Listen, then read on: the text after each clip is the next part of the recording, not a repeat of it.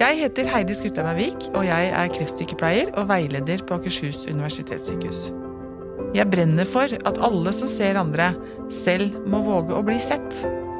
For menneskemøtene, de er spennende. Dette er Helhjerta. Vi puster, og vi puster helt naturlig og uten å tenke over det, de fleste av oss. Men så er det sånn at det er noen som faktisk, når de puster, så er det som å puste gjennom et sugerør for oss andre. Og en av de har, eh, er gjest her i Helhjerta i dag. Eh, David Instebø Wang, velkommen hit til Helhjerta. Tusen takk for det. Du, eh, du har kjempa, du, i 23 år, både med pusten og retten til å puste, faktisk. Ja, man kan, man kan gjerne tenke på det sånn. Mm. Mm. Du har cystisk fibrose. Ja. Det er du født med. Det er jeg. Mm. Og det er broren din født med. Det er òg min bror født med. Ja. Vi vant uh, det genetiske lotteriet begge to. Ja. ja. Hva er cystisk fibrose? Um, cystisk fibrose, det er jo sånn som man ville tenke på å beskrive det, så er det en kronisk dødelig lungesykdom. Men det er jo òg Sykdommen går jo ikke bare på lungene i tillegg. Han har en effekt på stort sett alle de interne organene. Mm. Så På hvilke organer da? Liksom? Um, Nesten alle, sier du, men hva, hvordan virker det, liksom? Um, den går veldig mye utover tarmene, uh, bukspyttkjertelen og leveren i tillegg. Mm. Så jeg er ikke noe lege, så jeg kan ikke gå så veldig mye i dybden. Jeg er bare en av de få som lever med det. Men uh, jeg kan jo gjerne snakke litt om hvordan effektene av det er. Ja, ja. Det, det, verste for meg med CF-en er vel egentlig dobesøkende. Ja. Og det er veldig lange dobesøk til tider, og det er veldig mange dobesøk om dagen. Ja. Um, og det er jo ikke alltid det nødvendigvis passer seg, eller man ønsker å måtte gå på do.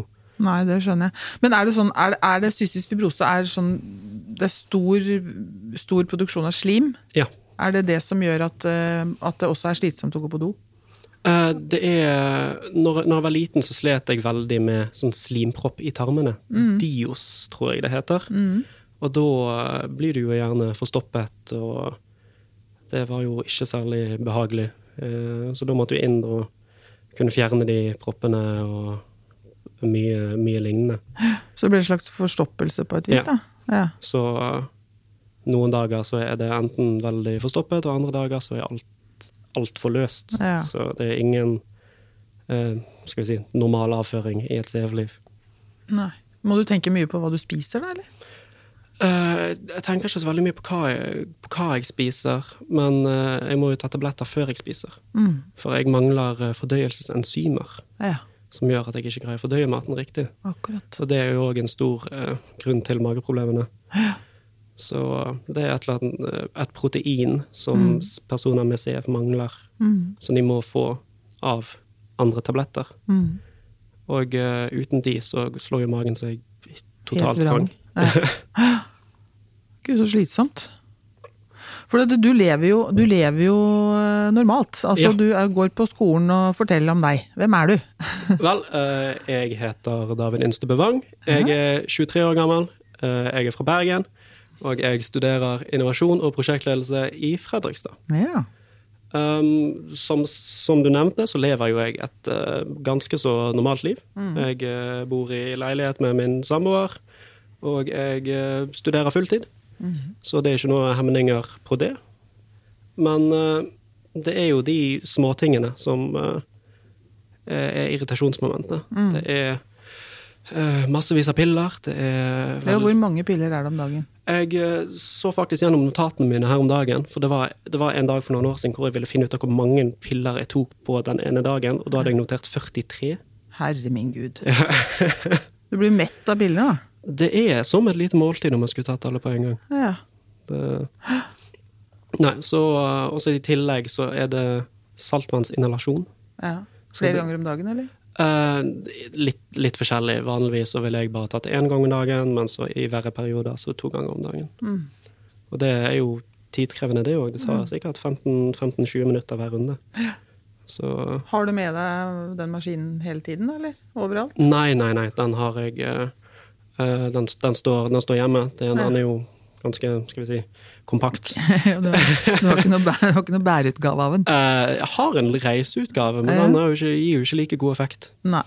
Så hm, litt, litt, litt mindre, men det er fortsatt mye ledning. Så ikke like, like gøy å gå og bære rundt på. Nei. Men har du annen type inhalasjon som du bruker ellers? Da er det sånn, Hjelper det for deg å ta litt Ventolin for å åpne Altså, Har det noe effekt, liksom? Um, jeg pleide å bruke Ventolin da jeg var liten, og det er noe som mange bruker gjerne før eller etter den inhalasjonen for å få hjelp til Ja. å løsne slimet igjen og åpne opp luftveiene. Så jeg personlig bruker ikke det nå, men jeg vet at det er veldig mange som gjør det. Akkurat. Ja. Men David, eh, du sa altså det har virker på mage-tarmkanalen, og så er det bukspyttkjertelen. Hvordan merker du det? Merker du det på noe vis? Jeg, Er det smerter? eh, jeg har, har, har mye smerter. Det, det pleide å være verre da jeg var liten. Da var eh, magesmertene ekstreme. Eh, heldigvis har jo det, om, uansett om det bare var fordi jeg var liten og derfor føltes det ekstremt, eller om det bare har blitt mindre. Men eh, det var ganske intenst med magesmerter da jeg var liten. Det var mange, mange dager hjemme fra skolen eller måtte gå hjem fra skolen pga. Uh, magen gjorde så forferdelig vondt. Ja. Så det er jo fortsatt uh, dager hvor han er helt, uh, helt umulig å ha med å gjøre, men heldigvis ikke like mye som det pleide å være. Og så er det, har jeg forstått det riktig, at det er lungene som er liksom det mest plagsomme ved siden av alle disse dobesøkene. Så er det lungene. Ja, det er de som eh, påvirker det meste, kan man egentlig, egentlig si. Ja. Fortell litt om det. Det er hvor, hvor skal man begynne? Det er jo eh, som beskrevet, så, og er det som å puste gjennom et, et sugerør. Jeg husker veldig godt på, på ungdomsskolen. I naturfagen der så skulle så hadde vi faktisk om cystisk fibrose. Det sto sånn veldig lite, men ett avsnitt i naturfagsboken Ja. om, om cystisk fibrose, så det var veldig kult. Ja. Og der hadde de en test. Hvordan er det å puste med cystisk fibrose? Og det var der jeg kom på sånn at det faktisk skulle være å puste gjennom sugerør. For den testen den besto rett og slett av at elevene skal ha et sugerør i munnen. Så skal de løpe opp og ned en trapp tre ganger. Og sånn som du puster etterpå, Oi. er det å puste med cystisk fibrose. Hei. Men jeg vet jo ikke hvordan det er å puste for dere. Nei. Så jeg har, jeg, har, tenkt på dette mange ganger.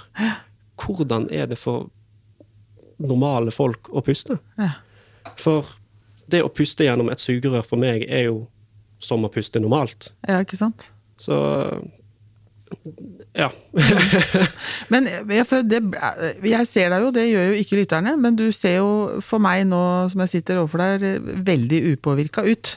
Ja. Du er en, dette her er en gutt på 23 år, eller mann på 23 år som ser veldig godt ut, og som ser helt normal ut. Og du sitter og puster helt normalt mens du snakker. ja.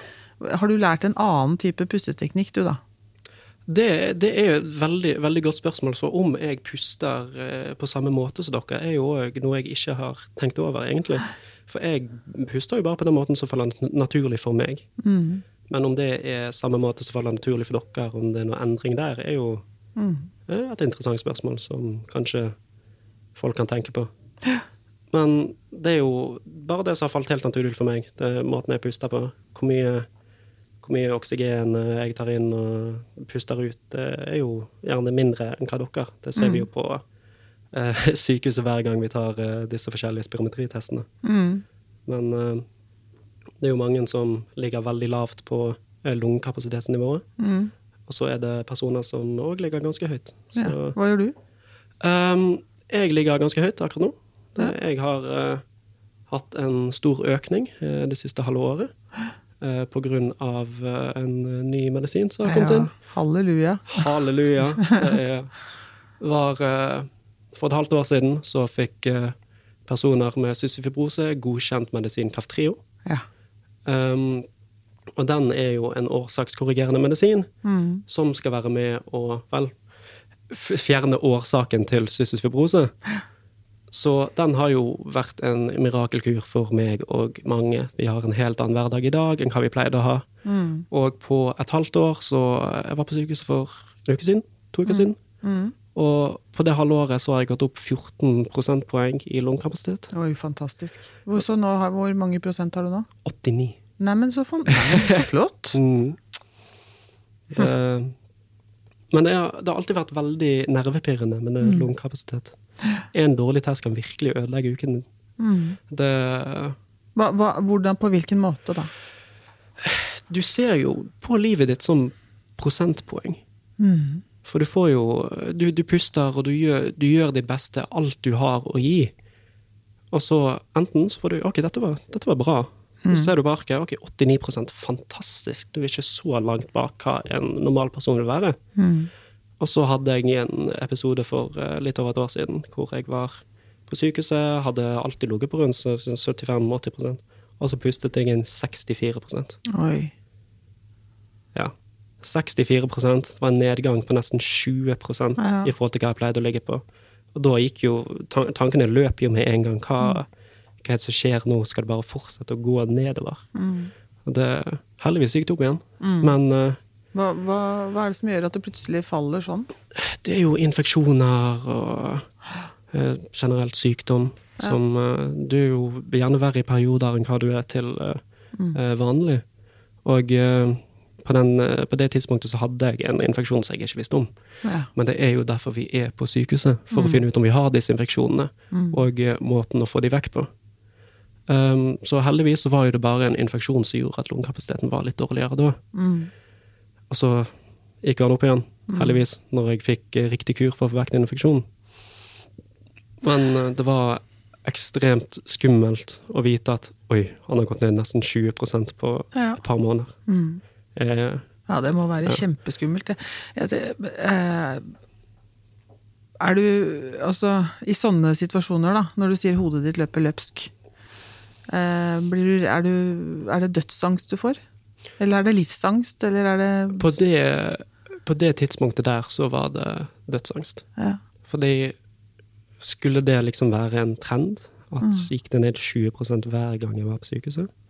Eller bare var, var, det, var dette begynnelsen på slutten? Skulle det bare fortsette å rase ned? ja.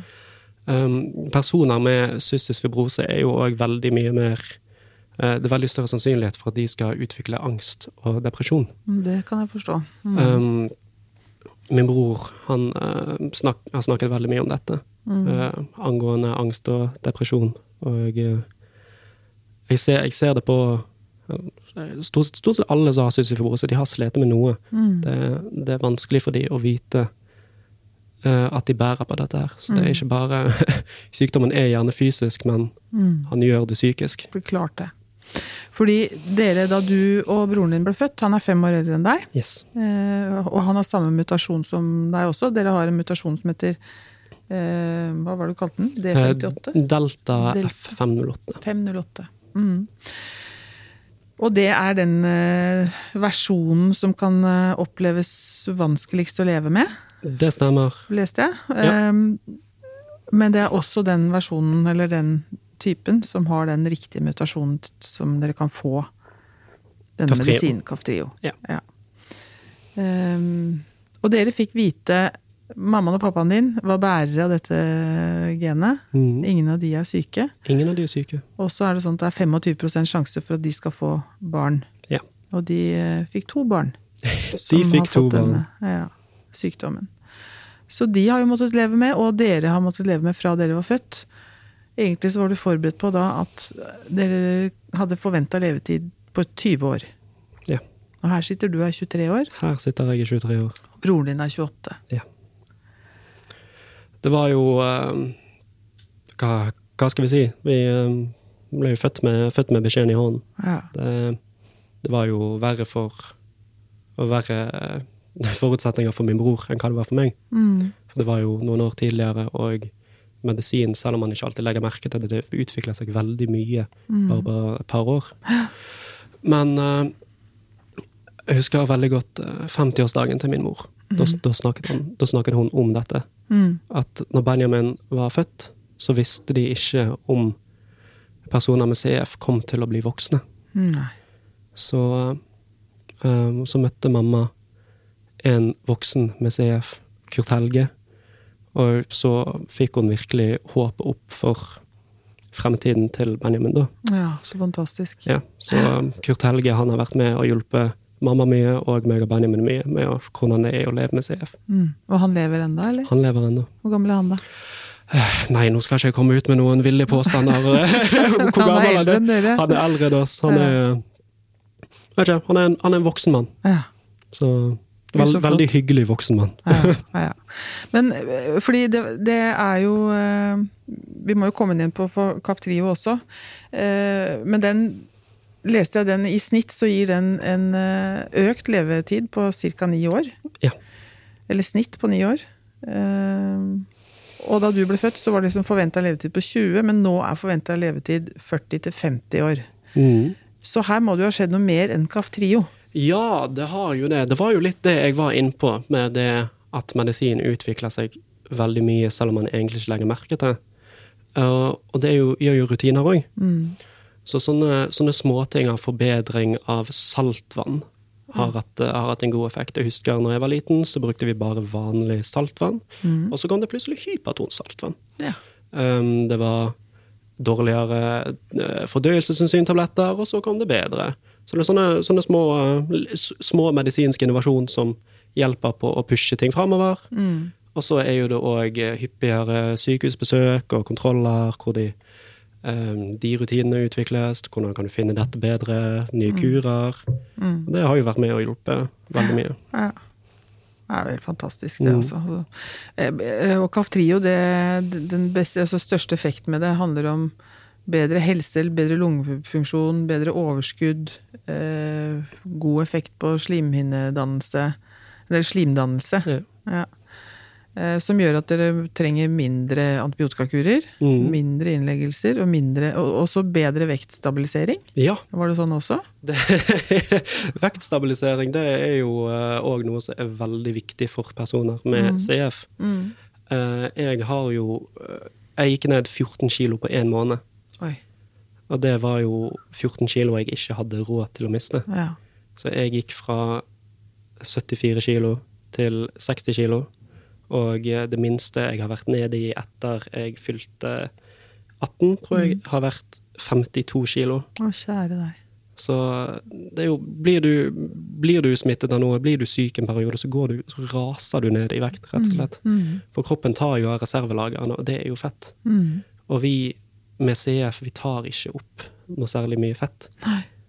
Så vektstabilisering, veldig viktig. Katrio hjelper med det. Mm. Så da har vi litt, litt ekstra på lager om vi skulle bli syk. Og det er sånn jeg har lært å tenke på vekt. At Ja, det, det, det hjelper deg om du skulle bli syk. Mm. Så jeg har jo gjerne en helt annen formening om vekt enn hva andre, enn andre har. Mm. Jeg vil jo gjerne veie mest mulig, men jeg har, jeg, har ikke, jeg har ikke muligheten til det. For jeg, eh, Så du kan spise hva du vil, og Jeg- helst litt til. jeg kan spise hva jeg vil. Um, det er jo mange som, som, skulle ønske de kunne gjøre det.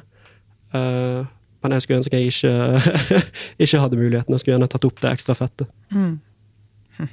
Så den Kaftrioen, den har jo, må jo ha skapt et kjempe Det måtte ha vært- en en kjempelykke når den ble godkjent. Det har vært en ganske kamp for dere å få gjennom dette her. Det har vært en um, stor, stor kamp. Masse, masse medieoppslag, masse, masse grining, masse, masse uh, skal vi si, aggresjon. Ja. Um, jeg husker jeg satt på, satt på skolen Mm. når, uh, når vi fikk beskjeden. Ja. Og mamma hadde, mamma hadde sendt en gruppemelding til meg og Benjamin. Um, og jeg leste feil først. Jeg ante ikke at Kaftrio var, uh, var godkjent før jeg kom hjem fra skolen. Jeg trodde hun hadde skrevet en melding om at hun hadde bursdag. Oh. du leste ikke altså det? Nei. Sånn er det å være Ja. mamma og sende meldinger. Ja, nei, men jeg, jeg, sa- jeg, jeg, jeg, jeg satt jo på skolen, jeg satt i timen, så bare kikket litt. Og, Ja. ja, ja. Um, og så, så kommer jeg hjem, og så ser jeg det. Og så ringer jeg mamma, og hun hadde jo allerede eh, vært på gråten siden nyheten kom. Mm. Fordi hun hadde jo hørt om hvor stor effekt det hadde. Og med en gang vi begynte å snakke, snakke om det igjen, så kom jo det flere tårer. Ja. Så eh, jeg tror det har vært mye viktigere for mine pårørende enn hva det har vært for meg personlig. Mm. Det, men det er jo litt sånn som når du, når du lever med det, så er det ditt liv. Det er alt, det er alt du noensinne har kjent. Mm. Så hvordan skal et par små piller endre livet ditt? Mm. Men det har jo det. Mm. Rett og slett. Har det hjelpa, har broren din hatt uh, også god effekt av det i forhold til utgangspunktet sitt? Han har òg hatt uh, veldig god effekt. Jeg vet ikke nøyaktig på prosentpoeng som han har gått opp, men det har vært en stor økning der. Og det energioverskuddet, Mm. det er jo òg veldig bra. Mm. Det, jeg husker jeg pleide å ha problemer med å stå opp om morgenen. For personer med CF de sover generelt veldig dårlig òg. Ja, hvorfor det? Det er jo eh, et godt spørsmål. Du våkner jo gjerne med hoste, du sliter litt med å puste. Jeg husker jeg hadde en, um, en test hvor jeg måtte sove med jeg vet, ikke, jeg vet ikke hva jeg skal kalle det. Jeg måtte i hvert fall ha et apparat Mm. som eh, passet på om Han skulle måle hvor mye jeg pustet om natten, eller om jeg generelt stoppet å puste. Ja. Um, og i løpet av en natt så stoppet jeg å puste ganske mange ganger. Så Ja. da bare lå jeg uten å Rett og slett uten å puste. Mm. Over eh, perioder så du ikke eh, la- Lange perioder til du kunne bli bekymret. Ja. Og, men det er jo det Det er jo CF. Det var det, var det CF gjorde. Ja. Og da våkner du gjerne. Så du sover veldig Avbrutt. ja, hakkete, kan man si. Mm. Det sliter med å sove. Du, det var det vi snakket om depresjon. Du ligger, du ligger på kvelden og Natta og tenker. du tenker gjerne veldig mye. Så det å få sovne er veldig vanskelig, og det å holde søvn er veldig vanskelig. Mm. Men igjen så har jo Kaftrio hjulpet med det. Mm. Er du mye redd? Nei, Nei. det er jeg ikke. Jeg øh, føler ikke jeg har en grunn til å være redd. Jeg har jo øh, Det er jo sånn du kan Man kan stille, stille det samme spørsmålet til en helt, helt frisk person. Er, er du redd? Mm. Og nei, nei, hva skal jeg være redd for? Jeg lever bare livet mitt. Mm. Det, det gjør jeg òg. Mm. Selv om jeg har andre forutsetninger, Mm. så er jo det alt jeg noensinne har kjent. Så hvorfor skal jeg være redd for mitt eget liv, som jeg har levd med Mm. hele livet? Mm. så nei, ikke redd. Nei. Det er, sånn, eh, det er nesten sånn utrolig å høre, og veldig bra. For når, man, når man liksom vet at man eh, Eller har fått beskjed om at man har eh, mest sannsynlig et kortere liv enn andre Mm. Um, Men ikke for det. Vi veit jo ikke når vi skal dø, vi andre heller. Men eh, ja. Ære være, tenker jeg. At du Det hadde nok vært mye verre om jeg hadde fått beskjed når jeg var 15. Ja. Ja, du er eh, Vi vet ikke om du kommer til å leve til du er 40. ja. Få vite det som det som 15-åring, eller uansett hvor tid det var. Så, Det hadde jo vært forferdelig. Mm. Men når du har vært klar over det siden du var liten, så har det bare vært hverdagen din. Men er det noe med Har du, har du, har du eller dere tillit til at det, hele, at, at det skjer denne utviklingen, den medisinske utviklingen hele tiden? At det, er det med på også å hjelpe for at man ikke er redd? At, at dere stoler på at det, forskning og medisin utvikler seg? Um, egentlig ikke. Jeg, jeg, jeg, jeg, Tenker ikke over det? det, jeg personlig så tenker jeg ikke over det. Jeg vil bare uh, Det er mitt liv. Det, med, med medisin eller ikke, så lever jeg det akkurat som jeg vil leve det. En dag så tar jo det slutt, men det, det, gjør, det, det gjør det for alle òg. Det er bare en bonus at det kommer medisiner som forlenger livet. Klok mann, altså. Eh, Du har jo snakka litt om broren din, og han, eh, han vet at du er her. Og han, eh, du får lov til å snakke litt om han. For han har, det, han har det dårligere enn deg. Ja. Hvordan er livskvaliteten hans? Fortell litt om hva er forskjellen på dere, liksom. Um, cystisk fibrose det forverrer jo seg når du blir eldre. Det, det er jo sånn i alle liv òg at du, du blir gjerne dårligere når du er eldre. Og cystisk fibrose er jo ikke noe, ikke noe unntak. Det bare speedes litt opp, kan man si. Uh, og han hadde en ganske mye lavere lungekapasitet enn hva jeg hadde. Jeg fikk jo panikk den gangen jeg gikk ned til 60 mm. men det var der han pleide å ligge. Oh, ja. Akkurat. Ja, så det var liksom hans, hans standard. Hans normal... Men Kaftrio har jo òg hjulpet han veldig mye. Og eh, Mio, hunden hans, har hjulpet han veldig mye. Ja. Alma, hans samboer. Det- Hun har jo òg vært en reddende engel, kan man si. Ja. Hun har hjulpet mye. Jeg blir jo nesten litt emosjonell av bare å snakke om det. Ja, så fint. Og det Nei. er godt at det er sånne gode mennesker rundt. Ja, nei, Mm. men han hadde det, han hadde det veldig tøft. For eh, noen år siden som at han blir uføre. Mm. Nå blir det Nei, det Skal vi ta en pause, David? Ja. Det er tungt å snakke om. Det er kjempe, kjempetøft eh, når det skjer noe med de vi er glad i. Ja. Og det vises ganske godt på deg nå at det er nesten verre når broren din var dårlig, enn når du sjøl var dårlig. ja. Nei, det, det, det, det er sånn jeg òg har følt på det og tenkt på det. At eh, det var mye verre for meg om det skulle skje noe med han, enn om det skulle skje noe med meg. Og eh, når lungekapasiteten går ned, så Ja. flyr jo tankene igjen. Ja. Du har fortalt at han, har hatt et, uh, han hadde et virus. Uh, Ja. Si litt om det, fordi det er jo en vet ikke om noen av lytterne har sett den filmen, hvis ikke så bør de se det. Den heter Five Feet Apart. Five feet apart. fantastisk film. Og trist og god og vond og fin og alt Ja. på en gang. Fortell, fordi den situasjonen, det, det handler om to mennesker med cystisk fibrose som Ja. er på slutten av livet sitt. Eh, men dette her gjelder hele livet for dere. Det, Ja. Den regelen som ble satt for de på den filmen. Fortell litt om det, Nei. David. Um, bare for å gi dere litt backstory på filmen, så er Mm. jo Five Feet Apart en film som faktisk bare utspiller seg på et sykehus. Mm. Uh, de har litt andre rutiner og sånt i USA, men når du er på en sterk kur der, så blir du lagt inn. Mm. Um, og av smittevern og kryssmitte, så kan du ikke være i nærheten av personer som òg har cystisk fibrose. Du kan være i samme rom som de, men det skal være en viss avstand hvor smitten ikke kan ta deg. Mm, er, så det er en armlengdes avstand Ja. til en annen, et annet menneske med cystisk fibrose, men du kan være i nærheten av en, en som ikke har Ja. det. Ja. Det kan du. Um, og for noen år siden så fikk min bror et virus.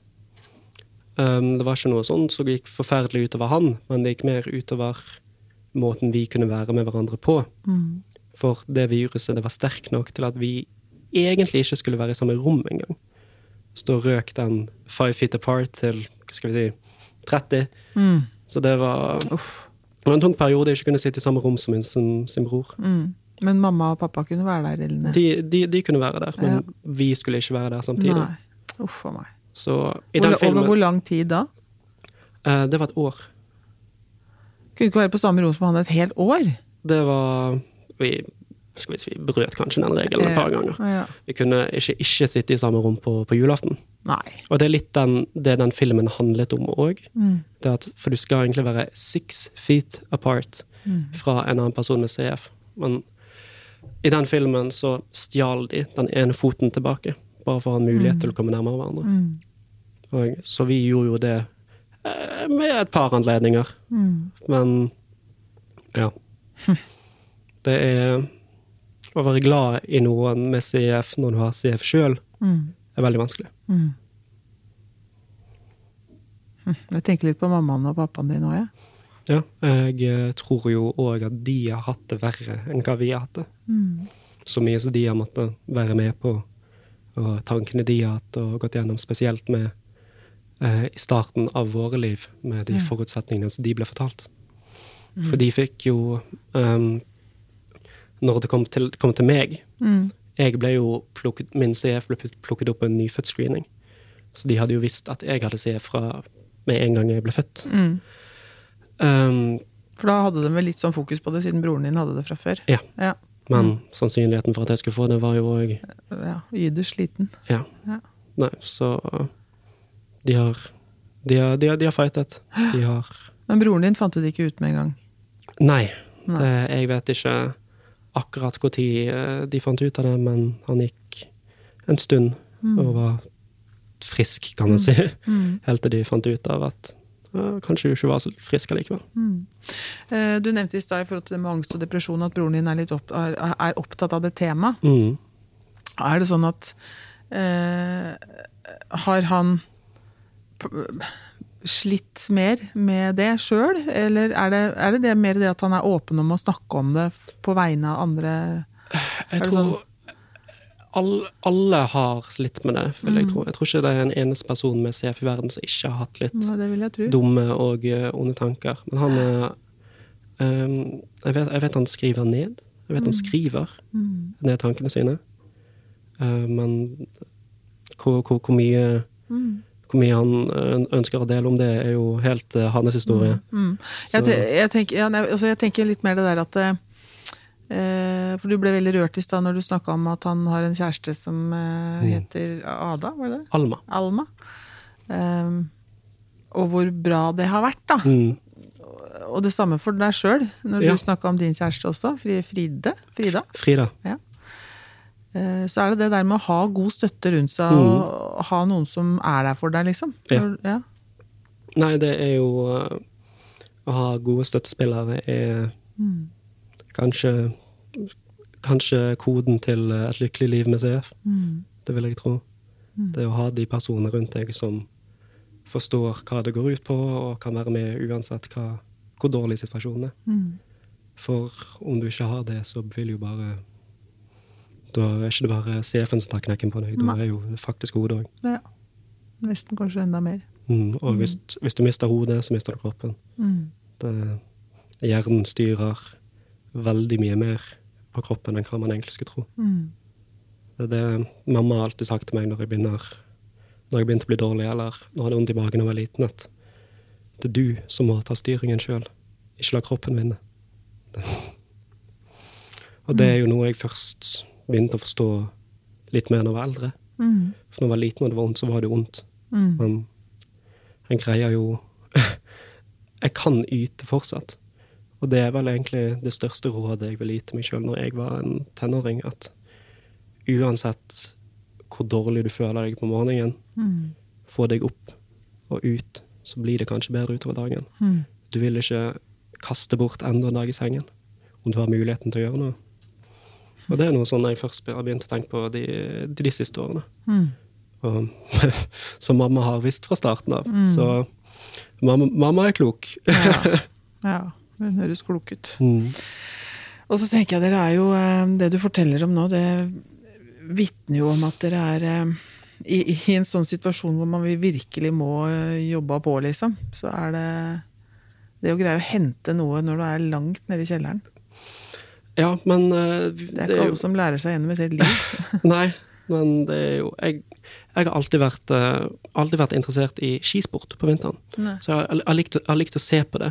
Og der bruker de akkurat det å kunne hente noe ut av ingenting. Og, så det er litt sånn som jeg har, jeg har tenkt på det, så li, Jeg er ikke noe Petter Northug, men jeg lig, li, li, li, ligger i sengen og Mm. skal hente det lille ekstra for jeg greier å stå opp.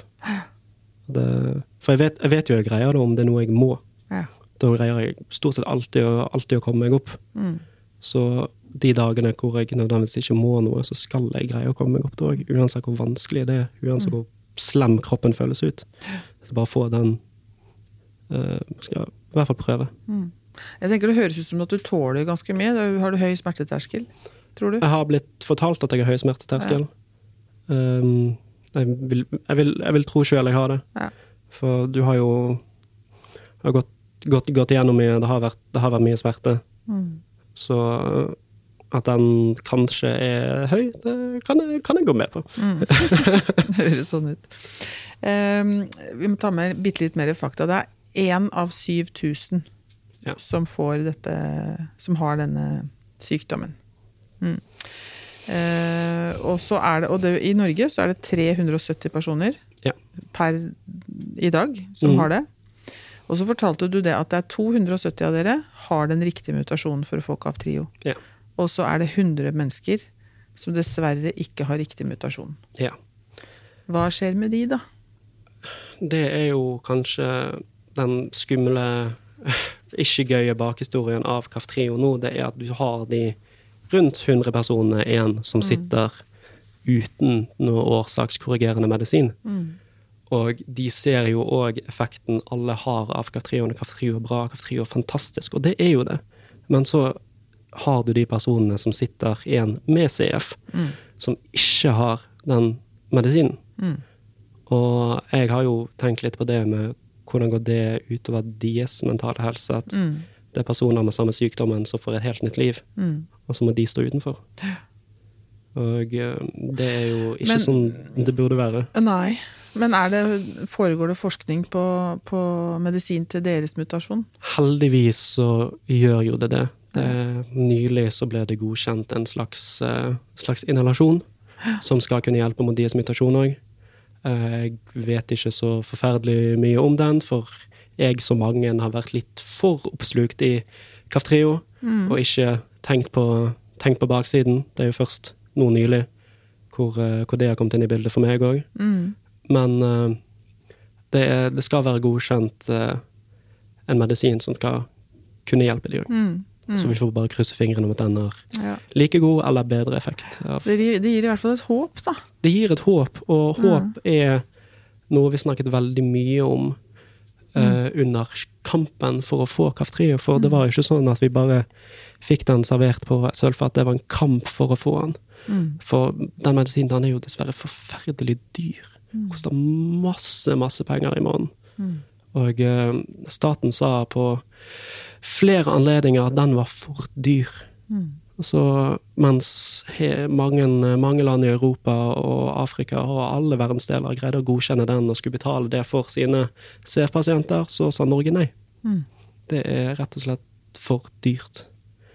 Og det er jo Norge er verdens rikeste land, verdens beste land å bo i, og de kan ikke godkjenne en medisin.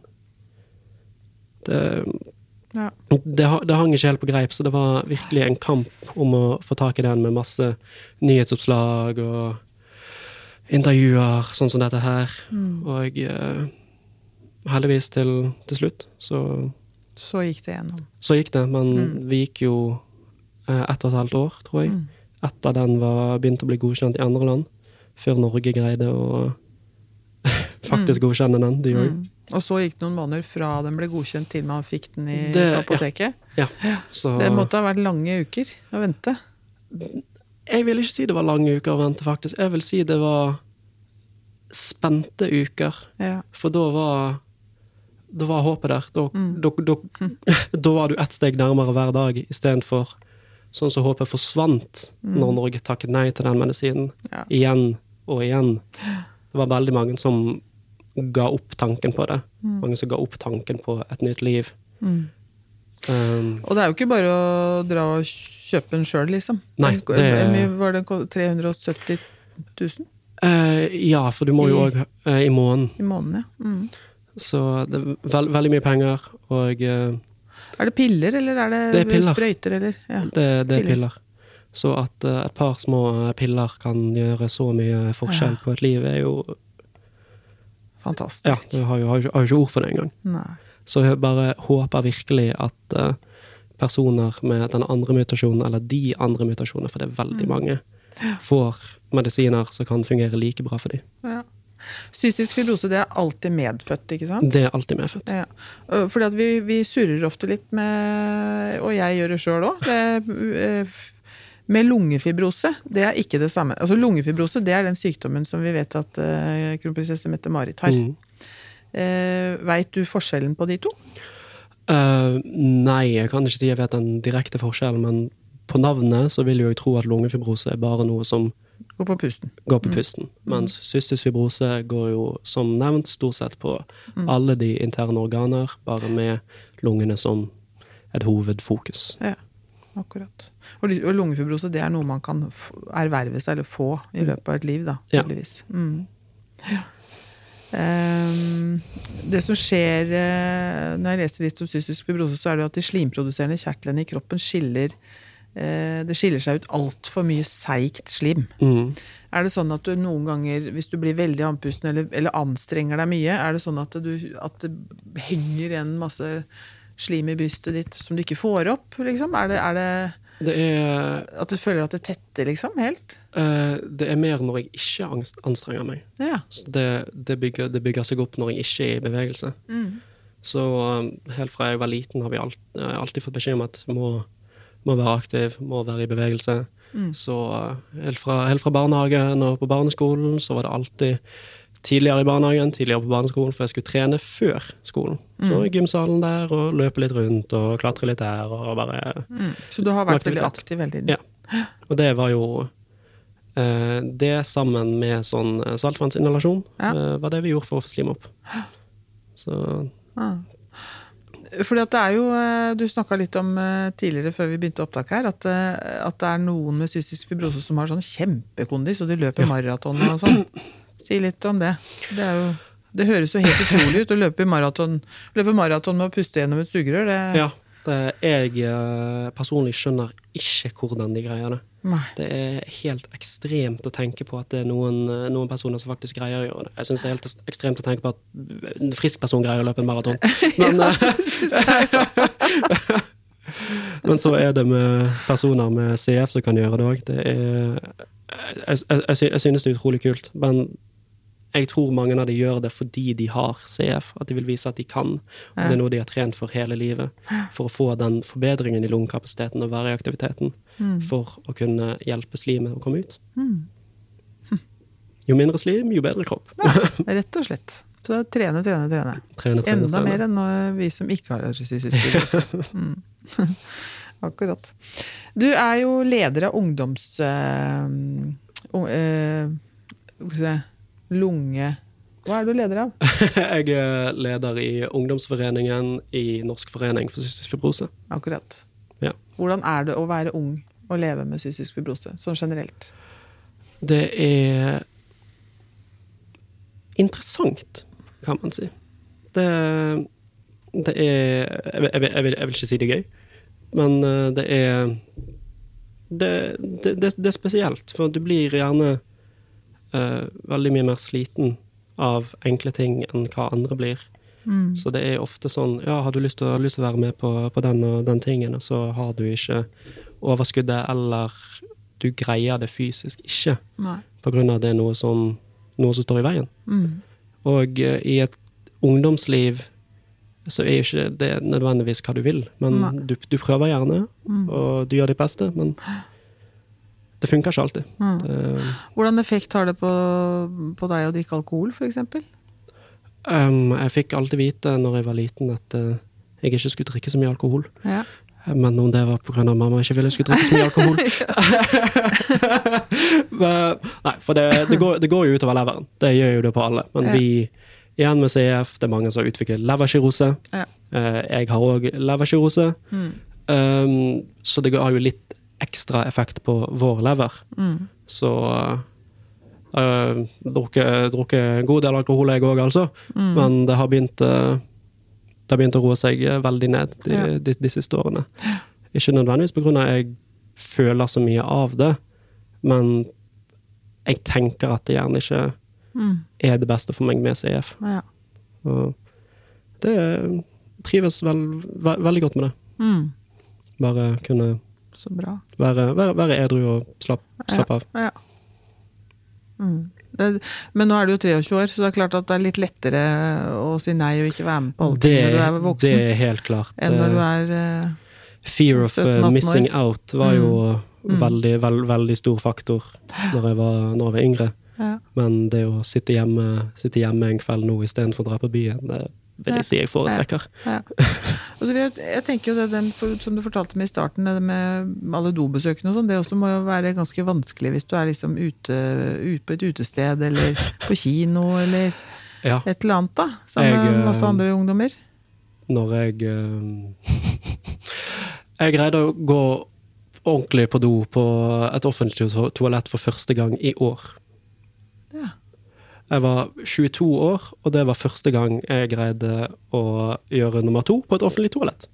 Hva har du gjort ellers da? Når du Holdt meg. Holdt deg. Oh. Og det er så forferdelig ondt og oh. ubehagelig. Og, så det var, det var første gangen jeg greide å jeg ikke, det, har vært, det, har vært, det har vært en sånn mentalblokk for meg. Ja. Um, men nå, nå går det bra, så jeg vet ikke om det bare kommet med alderen, eller Blir tryggere i deg sjøl. ja jeg tror, tror, tror kanskje det er noe sånt. Men det Det, det, har, det, har, ikke funket tidligere å, å, gå på do på den måten når jeg har vært Nå Når jeg har vært ute, eller uansett hva jeg har gjort. Jeg bare har, jeg har ikke følt meg komfortabel med det. det har, for CF-mage, det er bokstavelig talt noe dritt. Mm. Det, det, er mye, det, er mye, det er mye lyder, og du vil gjerne ikke at folk skal høre det. Mm. For uh, jeg kvepper jo sjøl noen ganger når jeg sitter på do. Ja. ja. Nei, altså gå, gå ut på byen og være dårlig i magen, det er, anbefales ikke. Uh, har mye erfaring av det, for jeg ikke ville gå på do. Mm. Uh, så det har jo litt vært min egen feil. Men som sagt, det har vært, det har vært en mental blokk for meg. Det Ganske naturlig og det der, altså. ja, anbefales ikke. Nei. Ellers, da? Hva, liksom, når du tenker tilbake på barndommen og ungdommen din, har du følt deg veldig annerledes, liksom? Mm, egentlig ikke. Uh, noen ganger, men jeg har følt meg mest mulig normal, og jeg tror det er bare mamma og pappa sin fortjeneste. Mm. For folk har jo ofte vært veldig forsiktige. Mm.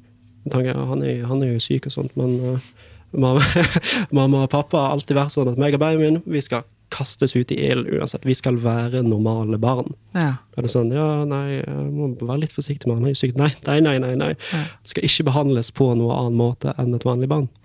Og det har jo gjort at vi har følt oss normale. Vi har oppført oss normale. Vi har vokst opp til å være normale. Tilsynelatende, i hvert fall. Mm.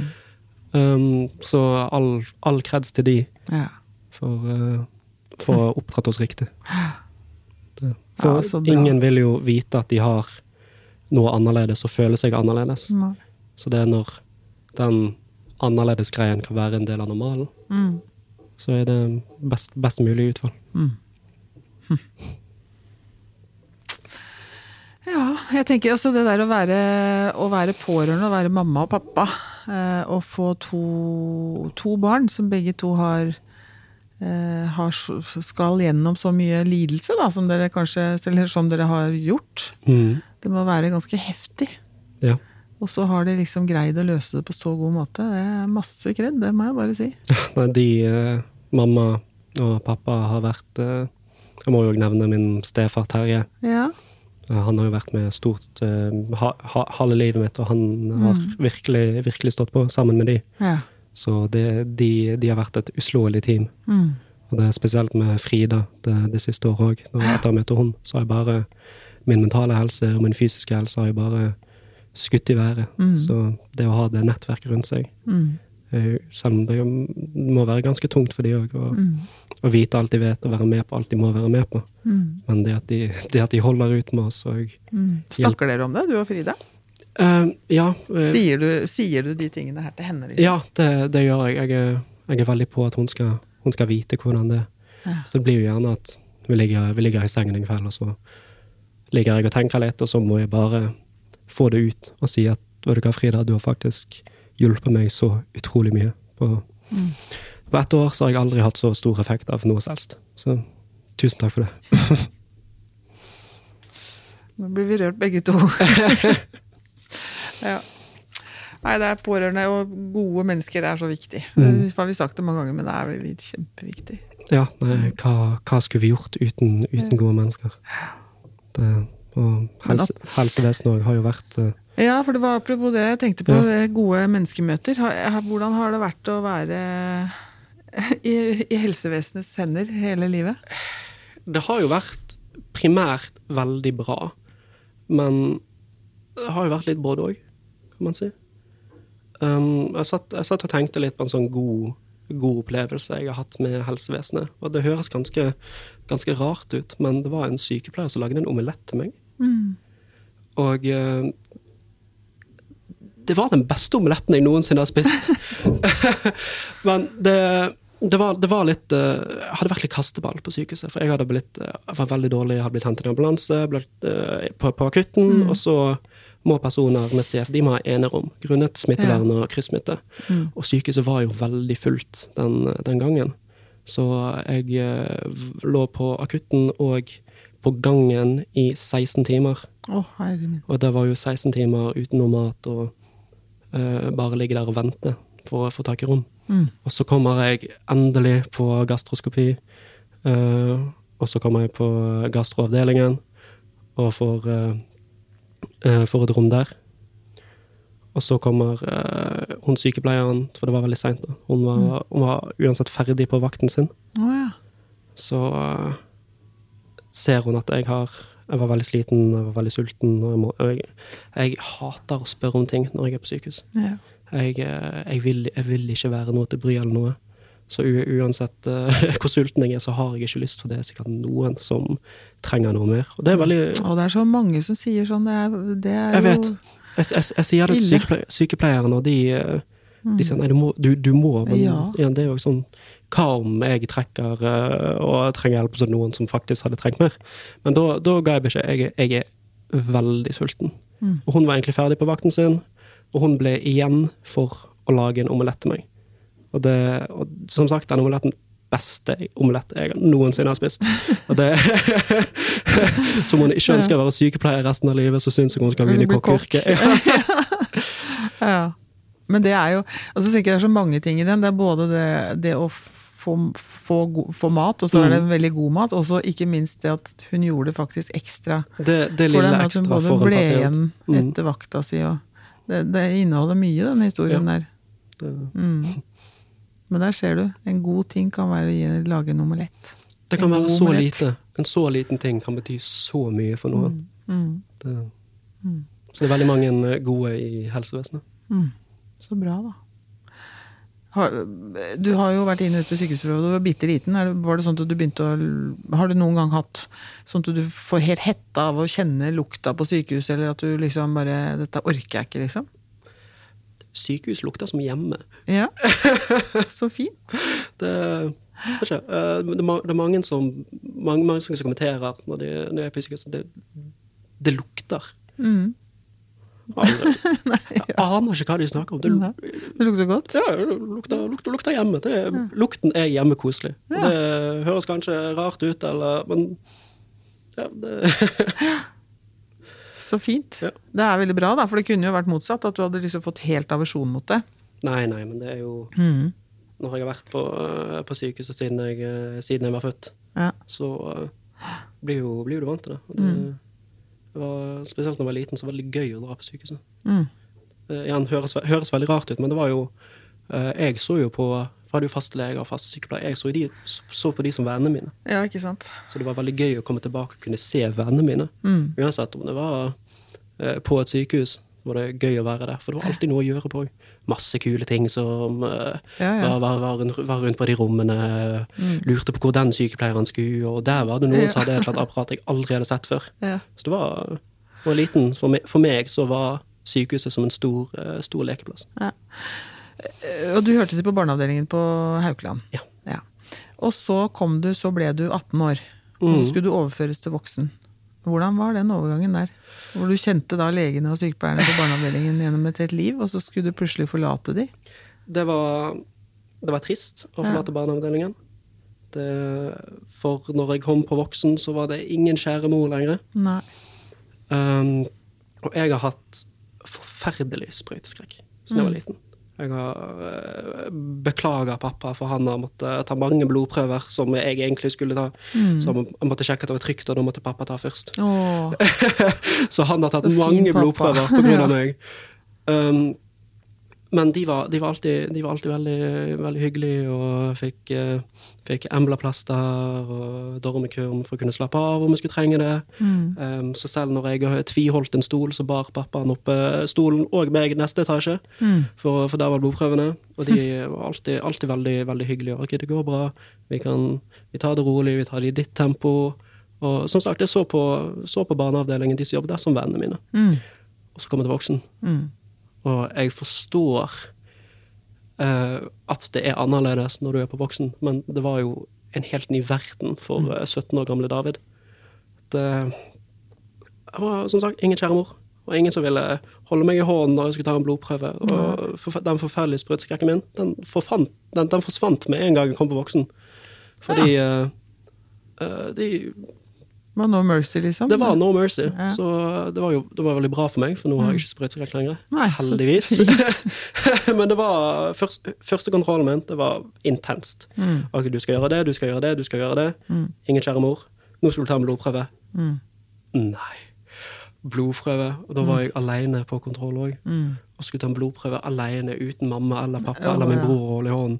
Jeg kunne ikke sitte og hyle på, på, på, på det rommet når jeg satt alene. Så det var Så jeg sitter der og Ja. Å nei, å, skal jeg gjøre dette? Ok, bare gjør, bare gjør det, bare gjør, bare gjør det. Ja.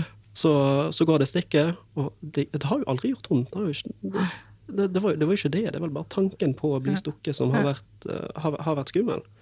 Men så ringer jeg mamma etter at jeg har tatt den blodprøven. Mm. Og mamma, jeg må, jeg måtte ta blodprøver. Hæ, må du ta blodprøver? Uh, må, må, må, må jeg komme? Eller noe sånt? Ja. Jeg må bare, jeg har tatt blodprøver. Ja. Hæ? Har, du tatt blodprøver alene? Ja.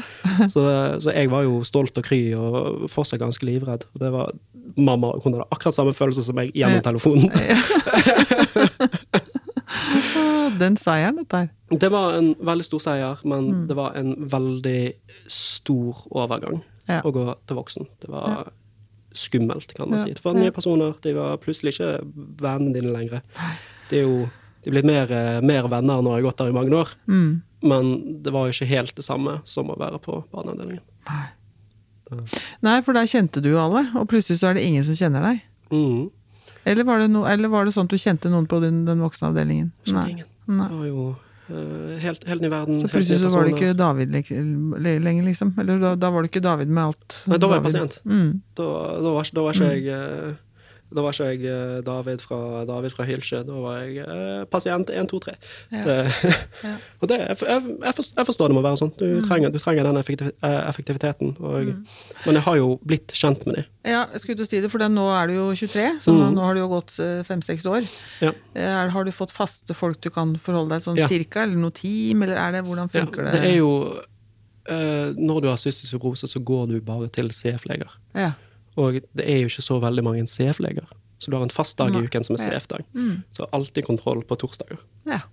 Og jeg drar jo fortsatt til Bergen Mm. for å gå på sykehuset. ja. Fordi jeg føler meg mye mer hjemme. øh, Og syns det er veldig mye koseligere på Ja. Haukeland, på den voksenavdelingen, enn hva det er på Ullevål. For jeg, går- jeg, går, jeg går på kontroll på Ullevål òg, Mm. men jeg liker å kunne ta den turen hjem og få bli sjekket opp av de jeg faktisk Kjenner, ja. De jeg kjenner. For Ja. nå er jo de blitt mer som vennene mine Ja. enn hva det var i starten. Mm. Mm. Jeg liker så godt at du kaller helsepersonell for vennene dine. Det synes jeg er innmari fint. Sier, no- sier noe om deg, og så sier det ganske mye om de du møter. Ja, det, Så bra. Um, du sa i stad Vi har jo en sånn fast spalte her i Helhjerta som Hvis du skulle si, noen kloke ord til deg sjøl tilbake til da du var 18 år Og nå er jo det fem år siden bare, men allikevel, har, det, har skjedd, det skjer mye på de fem årene her Det gjør det. for deg.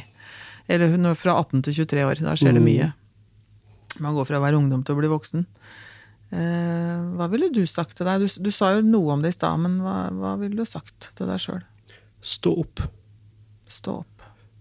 Dagen blir ikke sånn som du tror. Det er mye verre å bare ligge i sengen og ha vondt og synes synd på seg sjøl enn det faktisk er å stå opp og ha vondt. Det, yt uansett hvor vondt du har. Gjør noe. Det blir bedre. Vet du, Jeg tror alle mennesker trenger å høre det der, jeg. Ja, det, jeg, jeg tror fortsatt jeg trenger å høre det sjøl òg. Ja. Så det når, jeg, når jeg sier det høyt på en podkast, så må jeg gjøre det sjøl òg. Ja. Så det er et råd til meg, råd råd til David 23 òg. Ja. Stå opp. Det, du har godt av det. Gjør noe ut av dagen. Mm. Mm. Grip, eh, grip hver dag. Hver dag er en ny mulighet. Stå opp, gjør noe. Mm. Åssen ser du på framtida di? Hva skal du begynne å jobbe med? Du går på pro produksjon og innovasjon. Jeg husker aldri hva den linja In, heter. innovasjon og prosjektledelse. Ja, sånn var det, ja. Mm. Um, jeg har alltid hatt en drøm om å drive noe eget. Eller Mm. ha skape, skape, skape en arv, ha navnet mitt på noe. Mm. Så det er jo det, det jeg vil. Jeg vil kunne enten produsere noe eget, eller drive noe eget. Så jeg vil ha eh, Nå vil jeg lære alt jeg kan for å kunne realisere drømmen min. Så du er en gründer i magen din. Det er gründer, gründerånden her. Så Mm. Så bra. Veldig bra, altså. Vet du hva, David, det har vært eh, super eh, kjempehyggelig å ha besøk av deg. Jeg tror vi har, vi har altså så mye å lære av mennesker som har gått gjennom det du har gjort hele livet. Fortsett å snakke om det. det skal vi gjøre. Og så være så syk og se så frisk ut. Det er jo en utfordring i Ja, sjøl. Åssen er det, forresten? Føler du deg mye dårligere enn du ser ut noen ganger? Er, det litt ja, sånn ja. irriterende, Det- eller er det deilig? Det, det å ha en usynlig sykdom er ikke, ikke bra. Det er ikke godt. For det å ikke bli trodd på at du er syk, Mm. og det har jo vært av mange personer, lærere, til og med helsepersonell, Mm. som de, ser jo frisk ut, så det betyr at du er frisk. Mm. Men det er jo ikke alltid sånn. Um, så den har du fått, uh, fått i fleisen mange ganger. Jeg er veldig glad for at jeg ser frisk ut, Mm. men eh, samtidig så hadde det vært greit om det var noe folk kunne se. Ja. Det var en boble over at uh, ikke, ikke, ikke helt frisk. Mm. Når folk kunne Det er mye lettere å forstå uh, når folk ser noen er syk. Mm. Hvis jeg bare skal si nei, jeg, jeg har faktisk en dødelig sykdom, så Mm. Du, du, du ser det ikke på meg. Og det, folk hadde forstått det mye lettere om de gjorde det. Det der er sånn spennende med, med når eh, fordi når vi møter mennesker som vi vet er syke da, på et eller annet vis, ikke sant? så er det så fort gjort at vi sier som medmennesker da, at vi Mm. sier 'å, så godt du ser ut'. Mm. Og så er det noen som syns noen dager så kan det være hyggelig å høre, og andre dager så kjenner du at det, det stemmer jo ikke i det hele tatt. Så Nei. du har nesten lyst til å si fuck off, liksom. Men har jeg blitt fortalt? Er det, hva tenker du, er det, er det bedre å si 'hvordan har du det'? Åssen står det til? Eh, eller, er det bedre, eller, eller er det greit å si 'så godt du ser ut'? Jeg, eh, jeg, jeg syns det er mye mer medmenneskelig å si 'hvordan har du det'? Mm. For da får de muligheten til å fortelle det sjøl, istedenfor at man bare skal anta noe. For eh, antagelser, det er jo ikke alltid like, like bra eller like sunt. Så hvordan har du det over Du ser bra ut. Ja. Det, er best. Så bra. David, tusen takk for at du kom hit til Helhjerta. takk for at jeg fikk komme. Og så masse lykke til til deg, gründeren i deg, og hva som skal skje i fremtida. Og så har jeg bare veldig veldig lyst til å sende en varm, varm hilsen til hele familien din. De høres så fine ut alle sammen. Det er fantastisk. Takk for at du kom. Takk for meg.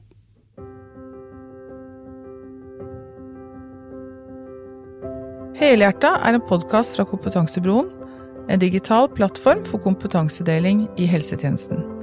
Personer som blir omtalt i pasienthistorier, er enten anonymisert eller har gitt samtykke til deling.